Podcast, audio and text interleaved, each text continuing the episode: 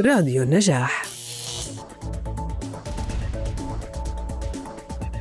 يعلن موقع أرواد تكناوي عن إقامة المسابقة الوطنية السادسة لأمن المعلومات وذلك يوم السبت الموافق السادس من نوفمبر القائمة في إربد في مجمع النقابات المهنية ويذكر بأن الدعوة عامة.